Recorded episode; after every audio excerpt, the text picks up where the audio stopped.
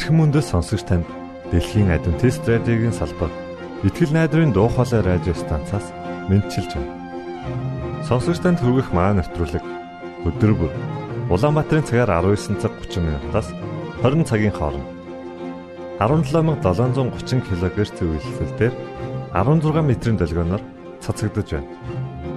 Энэхүү нэвтрүүлгээр танд энэ дэлхий дээр хэрхэн аз жаргалтай амьдрах талаар зарчим болон мэдлэгийг танилцуулахдаа бид таатай байх болноо. Таныг амарч байх үед аль эсвэл ажиллаа хийж байх зур би тантай хамт байх болноо.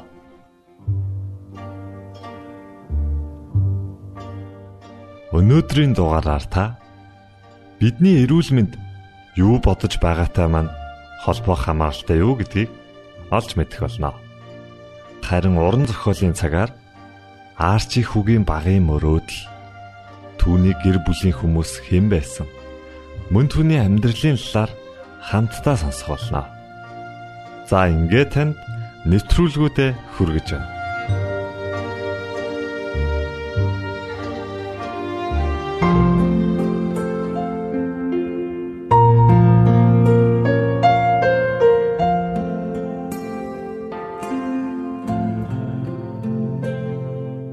Эрхэм баян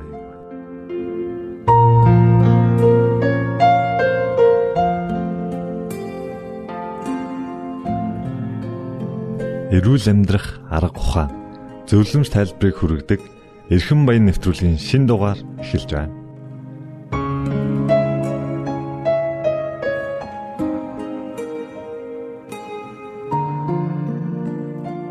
Ингээд танд Монголын адвентист чуулганы эрүүл мэндийн хэлтсийн захирал болох энх баяртай хийсэн ярилцлагыг хүргэж байна. За нар бол амьдралыг тэтгэгч. Тэгэхээр нарыг байхгүй гэд бодох юм бол энэ дэлхийн амьдрал үгүй. Нар гэдэг маань бидний амьдралыг өнгөлөг болгож байдаг бас нэгэн зүйл. Бурхан ямар азар, ямар гайхалтайгаар энэ нарыг бүтээсэн юм бэ? Өөрөөр бид нар нарны туяа илч гэрэл энерги бас дээрэс нь гэрэл гэгийг үн төлбөргүйгээр авдаг. Энэ бол бас нэгэн бурхнаас ирж байгаа ирээл маань юм аа. Тэгэхээр бүтээгч бурхан нарыг бүтээхдээ зүгээр ч нэг бүтээчиг юм. Өдөр шөнийг загалахаар бүтээснээс гадна хүнд маш хэрэгцээтэйгээр бүтээсэн байна. Нарны гэрэл маань өөрөө ангаах, эмчлэх, гайхалтай уйдстай. Дээрэс нь нарны гэрэл маань хүнд эрч хүчийг өгөхөөс гадна хүний бие дотор явагддаг бас фотосинтез гэж ярддаг. Да хүний бие дотор ургамал дээр хүртэл фотосинтез гэдэг явагддаг. Хүний бие дотор бас маш их тийм одоо нөлөөтэйгээр нарны туяа маань арьсан дээр туснаасаа хүний бие шаардлагатай амин дэвийг дэмийг одоо үүсгэн бий болгодог. Өөрөөр хэлбэл энэ маань витамин D юм.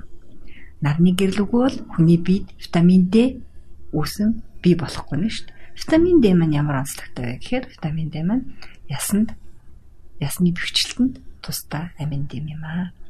Яс бэх байж яс маань бат бүх байж бид тэнцвэртэй зогсож одоо чанартай сайхан амьдрын шүү дээ тийм ээ. Тэгэхээр тухайн улс орны дэлхийд бүрцгтэр байх байрлалаас шалтгаалаад нарны туяаны нарны илчил бол өөр өөр тусдаг л та. Жишээл манай Монгол орны хувьд бол бид нар Азийн цээжинд байдаг.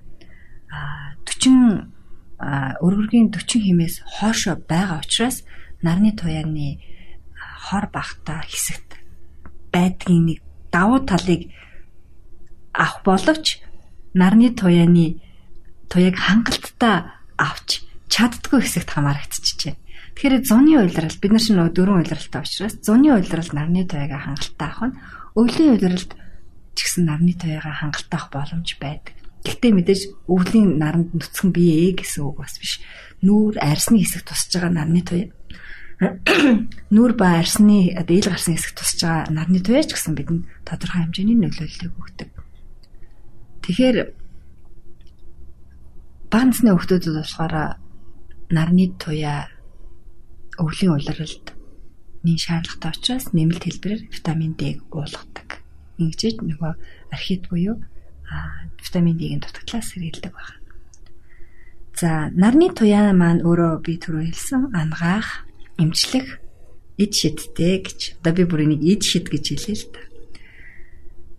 Эрдэнэт бас сонирхолтой судалгаанууд хийдэг л дээ. Түүний нэг нь мөөгөнцрийг устгах нэг санамсрыг алдаатай судалгаа байсан. Мөөгөнцөр маань нарны гэрэлд өөрөө устаад өгөө болчдөг. Им им бодис янз бүрийн зүйл хэрэглээл байсан. Гэтэл наран тавьсан байсан. Мөөгөнцөр итгэж нөө итгэжгүй одоо итгэвтэй байсан мөөгөнцрийг нарны гэрэлд ингээд зүгээр нэг лабораторийн нөхцөлд ажиллаж байсан болохгүй болохоор цонхны тавсандаа нарны гэрэлд ч юм уу тийм нартай газар тавьсан чинь нөгөө мөөгөнцөр нь өгцөн байдیں۔ Хүүе ерөөсөө энэ нарчин л идэгч юм байхгүй болгочих юм байна шүү дээ мөгөнцрийг чинь гээд маш энгийн тийм сонирхолтой нээлт гарч ирж байсан л та. Тэгэхээр үүнтэй холбоотойгоор 1900 оны үед наранд ор хүнчлийнхаа гутсаа ор хүнчлийнхаа дагуу гутсаа гаргажээ тий янз бүрийн тийм бактерийг нар устгадаг юм байна гэд одоо ангаах эрүүл мэнд эндийн шинжилгээ ухаанд нэлээх зөвлөгөө олж хэрэгцсэн. Одоо бид нар ч гэсэн энийг сайн мэддэг шүү дээ, тийм ээ. Салхи, нар салхинд а ор хоншлийнхаа даавууга, матрасаа, гутсаа гаргаж тавьж гівших нь бид нар яг нь тэнд байгаа өртсөн бактери янз бүрийн зүйлийг өгөх болгож байгаа юм байна шүү дээ, тийм ээ. За үүнээс гадна а хоол хүнс маань бидний иддэг хоол хүнс маань наргүйгээр ургаж наргүйгээр нарны одоо гэрэлгүйгээр боловсрдггүй байх нь шүү дээ тийм ээ. Тэгэхээр бид нар наранд боловсрсан яг лабораторийн нөхцөлд гэрлэр гэрлэр ургасан гадаа талбай дээр тариад нарны гэрлэр ургасан хүнс тэжээлийн хоорондын асар их ялгаа байдаг. Тэгвэл гадаа нарны гэрлэр ургасангаас бид нар жинхэнэ амин дэм хэрэгцээтэй зүйлийг авдаг байна. Сүүлийн сүүлийн үед шинжлэх ухаан асар хурдтай хөгжсөнтэй холбоотойгоор аа food engineering гэж яриад байгаа л да. Хүнсний тийм одоо биотехнологи маягийн юм гэх юм уу да айгүй хөгжсөн. Тэгээд лабораторийн аргаар тасалгааны нөхцөлд зай бага эзэлсэн тийм хүнсний ногоонуудыг салаадны навчнуудыг тарьдаг болчиход байна л да. Энэ бодлохоор нэг бодлын хүн төрөлхтний нээсэн гайхамшигтай сайхан зүйл хэдий боловч нарны туяа тусаагүйгээр хүнсний ногоо ургахад тэнд хэрэгцээтэй нарны гэрлээс авдаг хэрэгцээтэй зүйл маань багасчдаг юм болов. Тэгэхээр бурхан анханасаа нарыг бидэнд яг ашиглахаар бүтээсэн учраас нарнаас шим тижээлийн үр ашиг бид нар авахаар бүтээсэн учраас аль болох гадаа талбай тарьсан ногоо хүнсийг идвэл зүйтэй болов гэж бас үзэж байна л та. Тэгэхээр нарны гэрэл маань зөвхөн бидэнд хоол хүнс ургуулхаас бас бидний бие махбодыг эрүүл саруул байлгах, ясыг бих байлгахаас бас дээрэс нь бактери устгаж эрүүл саруул амьдрах орчинд бүрдүүлэхээс гадна бас бидний амьдрал хэрэгцээтэй асар их энергийг ялгаруулдаг учраас нарны зай гэдэг зүйл одоо гараад бий болчлоо тийм үү. Тэгэхээр бид нар их дэлхийгээ хамгаалж дэлхийн дулаарлаа сэргийлэхийн тулд аль болох нөхөн сэргээдэх тийм энерги ирч одоо цахилгаан төхөөрөмжүүдийг хэрэгэлдэг болоод байна шүү дээ. Тэгэхээр улс орнууд ч гэсэн одоо айл өрхүүдэд хүртэл нарны панелуудыг дээвэр дээрээ тавьж наад захын зүгээр жирийн гэрэл жирийн хэрэглэгдэхүүний цахилгаан хэрэглээнүүдийнхаа хэдүүлээ цахилгааныг нарны самбараас авчи гэж зөвлөдөг хэлсэн байна. Тэгэхээр нар гэдэг маань ямар ивэлтэй, ямар гайхалтай, эд шидтэй, гайхамшигтай зүйл вэ те. Тэгээ нарны гэрлийг хүн зохимжит хэмжээнд хүртдэг байх нь энэ маань бурхнаас ирсэн ивэл мэтэр ирдэг байх нэ. За нэг санаалах зүйл байна. Хит их наранд биеэс нэрэ буруу таталтай. Өөрөөр хэлбэл нар маань өөрөө ультравиолет буюу хит ягаан туяа ялгаруулдаг. Энэ шүүгч азоны давхрах шүүгээ дэлхий дээр буулгаж байгаа хэдий ч гэсэн хугацаанд удаан зуны наранд ч юм уу эсвэл бол түрүүний миний ярьсан одоо 40 градусаас доош улс орнууд буюу нөгөө экваторын бүсийн ойролцоох те нар хитэх тусдаг улс орнуудын нарны хурц туяа бол их байх нь дээ. А үүнээсээ ч улбаатаагаар наранд байх хугацаа бол нарнаас бүр бие хамгаал гэдэг зөвлөгөөнүүд гарч ирж байна. Хит их байж болохгүй учраас. Тэгэхээр хүн өдөрт 15 минутанд минут л наранд бие ихэд хэрэгцээтэй хэмжээний амин дэмээ авахаас гадна нарны туяанд 15 минут орчим авснараа шүн бидний тархинаас ялгардаг мелатонин гэдэг дааврыг ялгаруулалтанд одоо хангалттай нөлөөлөл үзүүлчихдэг байна. За мелатонин гэдэг маань ямар вэ гэхээр хүний одоо залуу байхад хөвшрөлтийг одоо удаашруулдаг даавар юм л да. Энэ тархинаас шүн дундаас хойш ялгардаг тийм даавар байгаа. Тэгэхээр энэ шүн дундаас хойш ялгарч яагаад нарны гэрэл хэрэгтэй вэ? Тэгэхээр нарны гэрлийн тусламжтайгаар энэ дааврын боловсруулалт нь бий болж шүн ялгархад нь нөлөөлдөг байх нь шүү дээ. Тэгэхээр өдөрт хүн хэр хэмжээний хугацаагаар наранд бие ээх вэ гэхээр зуны наранд 15 орчим хэмжээгээр. Гэтэ заавал биеийн бүх хэсгийг гаргах албагүй байхад. За халуун оронд байдаг хүмүүс эсвэл зуны цагт хөдөө мал дээр байгаа ч юм уу гадаа ажиллаж байгаа хүмүүст бол Үүнээс илүү хугацаагаар бие биеийн тодорхой хэсгийг наран шаарчдаг чэйжин бие ч юм уу нүүр гараа ч юм уу тий. Тэгэхээр энэ маань наран түлэгдэх аюултай. Наран байн түлэгдээд байх юм бол энэ маань арсны хорт тавдар үүсгэх эрсдэлт хүргэдэг байхад. За өмнөд бүсэд амьдарч байгаа жишээлбэл Африк, Австрали Австрал төв, Шинэ Зеланд, за Африкийн урд хэсэг, Өмнөд Америкийн урд хэсгүүдийн улс орнуудад болохоор ялангуяа Австрал, Шинэ Зеланд орчимд бол арсны хорт тодор аюух байдаг. А тийм учраас энэ хүмүүс бол бие маш их нарнаас хамгаалахад бол нарны тосыг хэрглэж байна. Бие хамгаалахын тулд нарнаас хамгаалах, нарны тэр нөгөө хэд яган туянаас хамгаалах хувцас хэрглэж байна. Өдөрт наранд ээх хуцаа баасгаж байна. Нарны туяа хит их тусдаг газруудаар явахгүй байхыг одоо тий эрхэмлдэг болцсон байна л да. Тэгэхээр аливаа зүйлийн зохистой хэрэглээ гэдэг маань чухал болж байгаа. Нарны туяа бидэнд хэрэгтэй ашигтай гайхамшигтай зүйл боловч хит ихсгэрээ яах нь хортой зүйл дагуулдаг байна. Нарийн яривал наранд хит бие ээж байнга түлэгдээд байх юм бол арсны хор тавдар үүсэх эрсдэлтэй.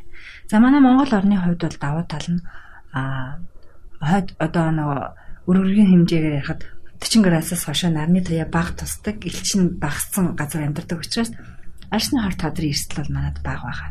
Гэхдээ зуны цагт бие их шарснаас болж хүмүүсийн арьс нь түлэгдсэн түлэгснээсээ болоод арьсны өнгө үхчихсэн тохиолдол бол маш их байдаг манай орнд. За өвлийн цагт азар битүүлээд хамгаалчихж байгаа боловч 100 дулаараа тэрхээр хүмүүс арьсаа хийх наран түлснээсээ болоод арьсаа одоо ерөнхийдөө хит борлуулалтснаас болоод ер нь бол азар хорт хадрын эрсдэл баах штэ тий. Гэтэ юмыг яаж мэдэх вэ? Тийм үү? Байнгын түлээд ингээд наранд хитүүлсэн арьс бол хорт тавдрын эрсдэл биеийн эсэргүүцээс сулрахтал хорт тавдар арьсны хорт тавдар тусах магадлалыг нэмдэг. За үүнтэй холбоотойгоор хүнд шинээр мэнг үүсэн бий болдог. Мелатонин дааврын нэлээ меланин арьсны меланины бодисны ялгаралт ихсдэг. Үүнтэй холбоотойгоор мэнг толб сэв үүсдэг байх нь шүү дээ бас тий. За тэгэхээр нарны элч бурхнаас өгсөн энэ гайхалтай ивэлийг зөв зохистойгоор хэрэглэе тэр гайхамшигтай эмчлэх ангаах чадварыг энэ баг үн төлбөргүй ангаах эмчилгээтэй байгаа зү тэ энийг нас хэрэгэл сурья тэ хит их хэрэглэж болохгүй хитрүүлж юусоо болохгүй нэ гэдгийг л ойлгоцгоох хэрэгтэй баха.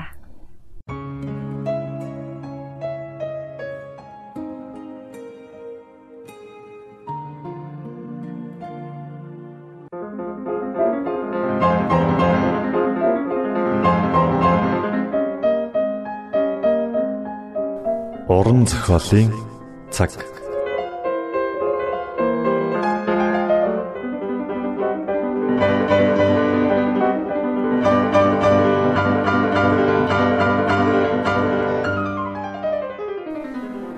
Уран зохиолын цаг нэвтрүүлгийн шин дугаараар уулзж байгаадаа баяртай.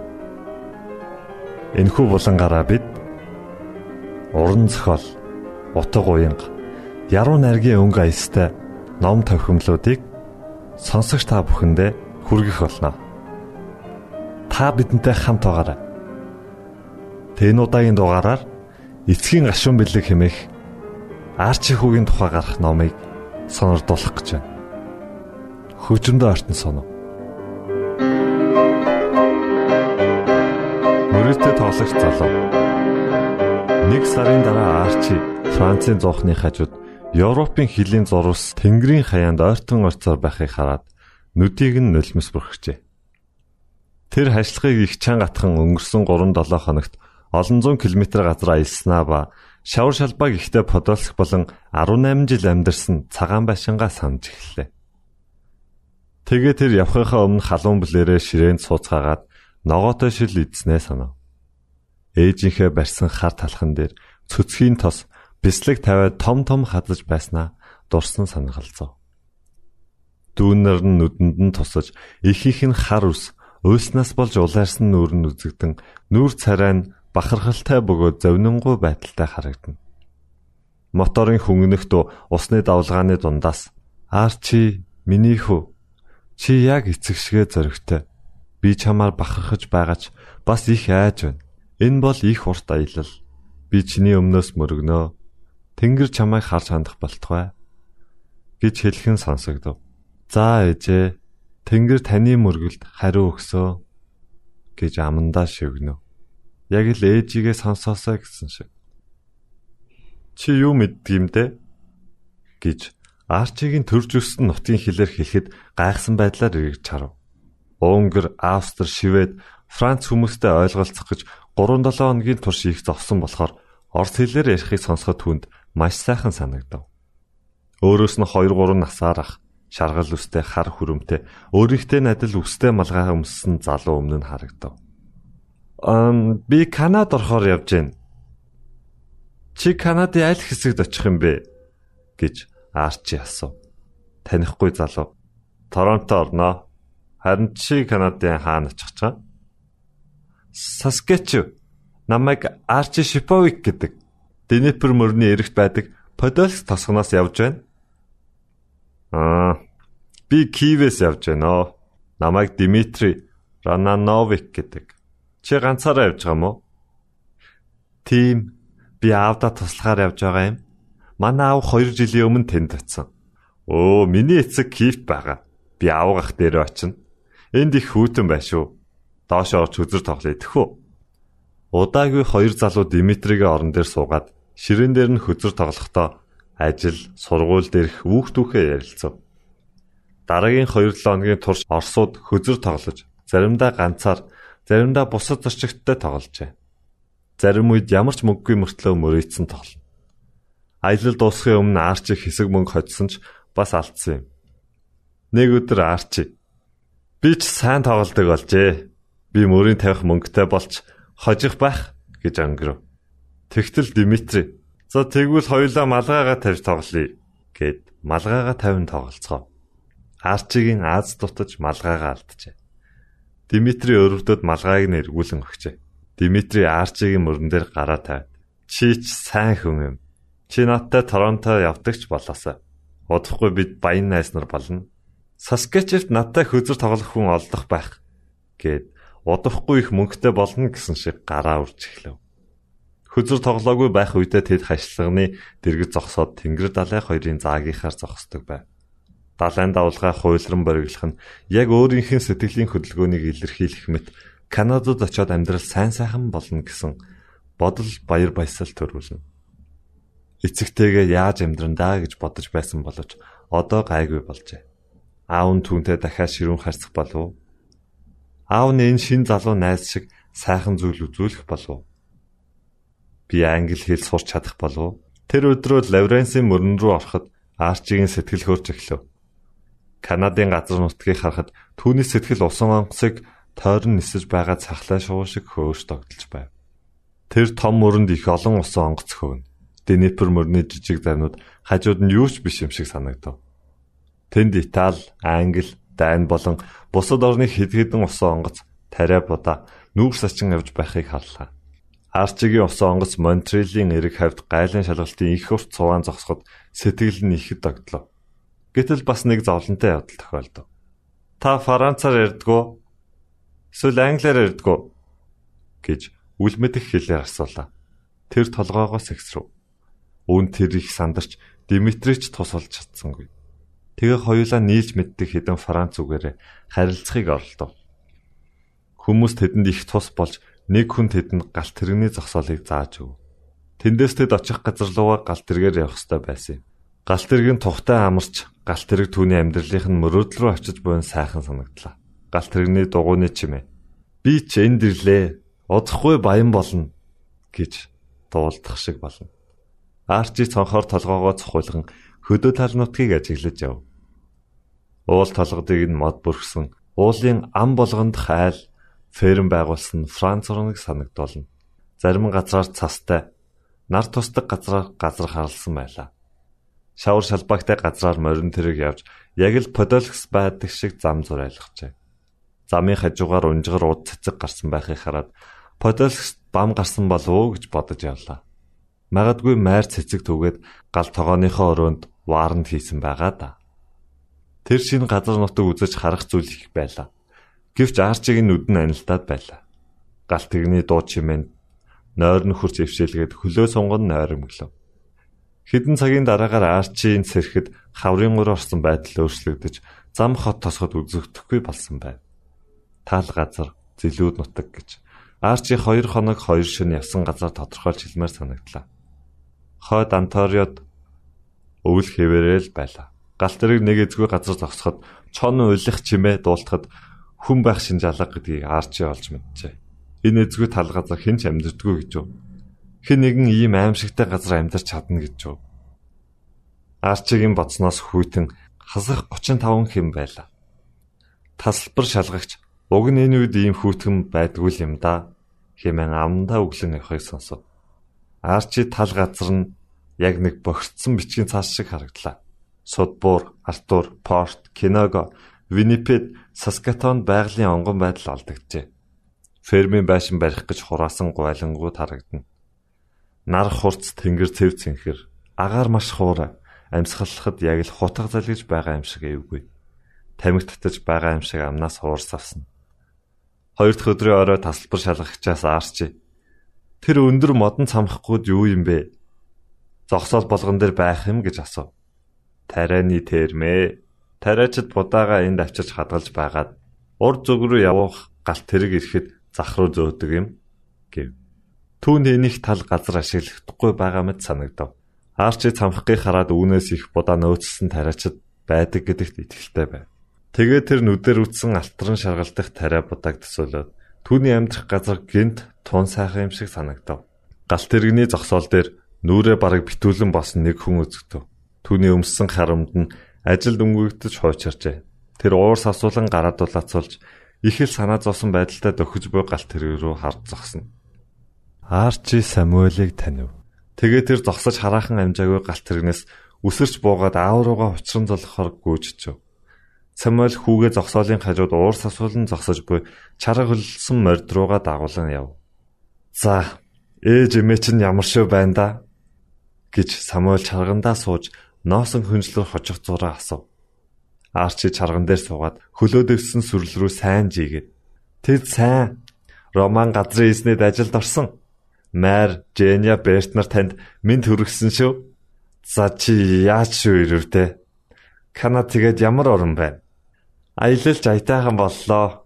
Таны хийснээр бүх зүйл бүтсэн. Канад ч гэсэн таны хийсэн шиг орон байна. Их сайхан газар нутаг юм. Өргөн удам уулмод ихтэй, тэнүүн чөлөөтэй. Хүмүүс нь нөхөрсөг.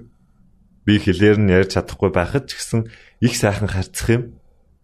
Монтрелд нэг хүн надад галтрины зогсоолыг зааж өгөх гэж надтай их хол явсан шүү. Тийм шүү. Энэ газрын хүмүүс яг тийм. Сайн хүмүүс. Олонх нь Оросоос ирсэн. Тэгээд нэг үнэн алдартны сүм рүү зааж өнөө оройдоо Украин айлд хоноод маргааш очих газар очие. Одоо нэг 100-аад мад газар үлдсэн. Ийм цаг агаарт их хол газар явхад хэцүү шүү дээ гэж хэлв. Та надад ажил олсон уу? гэж Арчи асуув. Түүнийх үзүү сантаж яг оролт зүүсэн юм шиг харагдана. Олсон, олсон. Төмөр замд надтай хамт. Өнгөрсөн 7 хоногт л өдөрдөх хүнтэй ярилцсан. Тэд хаврын ажил шинэ хүмүүсийг авч байгаа юм. Газар гисэж эхлэнгүүт ажиллаа эхлэн шүү. Тэгээд тэнд би юу хийх вэ? Төмөр замын дэр мод тавина. Аава би сайн ажиллана гэж Арчи аавда ам тангараг өгөв. Тэгээд тэр сайн ч ажиллав. Нуруугаа өвдтөл ажиллаж овооч цалин авлаа. Эхний цалингаа аваад энэ их мөнгийг хардаа гэж Арчи баярлангуй хэлв. Арчи тэр сонин мөнгөн тэмдэгтийг хэд хэдэн удаа тоолоод аавынхаа ширээн дээр тавив. Дараа нь эргүүлэн авч халаасан та хийгээд байн байн гарган үзв. Мөнгө зүрхийн тулд байдаг юм. Аава би зоогийн газар очиж найз нартайгаа уулзъя. Удахгүй ирнэ гэж хэлээд гарч одов. Ирэхдээ надад арх аваад ирээрээ. Би ганцаараа унна гэж Шефовик хэлв. Хах сайн болгонд нэгэн хэмээр давтагцаар Арчи хот орж арх ухаар цалингаа тис чадан хөлөөдөг болов. Тэр хүзэр авч арх мөнгөөр мөрөлдсөн тоглодог болж хожихоосоо илүү алддаг байлаа. Дараа 7 хоногт аздаарч би хожино гэж боддог байсан ч дараа 7 хоногт нь бас л хожигдоод ганц ч мөнгөгүй болоод сохтуу ирдэг болов. Нэг өрөө Арчи мөнгөгүй сохтуу ирэхэд эцэг нь ширээгээ цохон "Яагаад чи ингэж байгаа юм бэ?"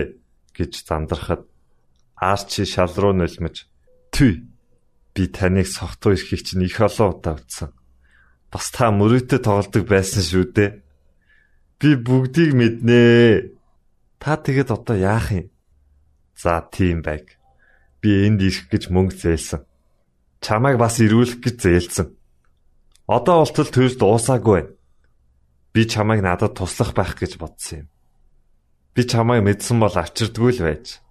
За за. Би дахиж ууж мөрөөдө тоглохгүй гэд гараа дээш өргөж аавынхаа уур хилэгнэлийн үгийг зогсоогоод сандал түшин босч орон дээрээ төрүүлгээ харан хөвтөв. Арчи өөртөө би аавтайгаа яг адилхан бүр долоон дор энэ үндэ гэж нулимс салхин хэлж байна. Аавдаа архивч өгөхгүй гэж татгалцсан дөнгөж сая мэт санагдаж тэр үедээ хизээч архи амсахгүй гэж амласнаа санав. Тэр аавтайгаа адил байхыг хүсээгүй. Гэтэл аавынх нь араншин өөрт нь яг шингэжээ. Арчи өөрийгөө өөрчлөх чадлагүй байсан ч цөхрөлтгүй хичээж би арх ухаа болно. Би бурханд хандна. Би үүнийг үнэхээр зогсооно гэж гэж амандаа бовтнов. Та уран зохиолын цаг навтруулгийг бүлээн авч сонслоо. Дараагийн дугаараар уулзтлаа. Түр баярлалаа.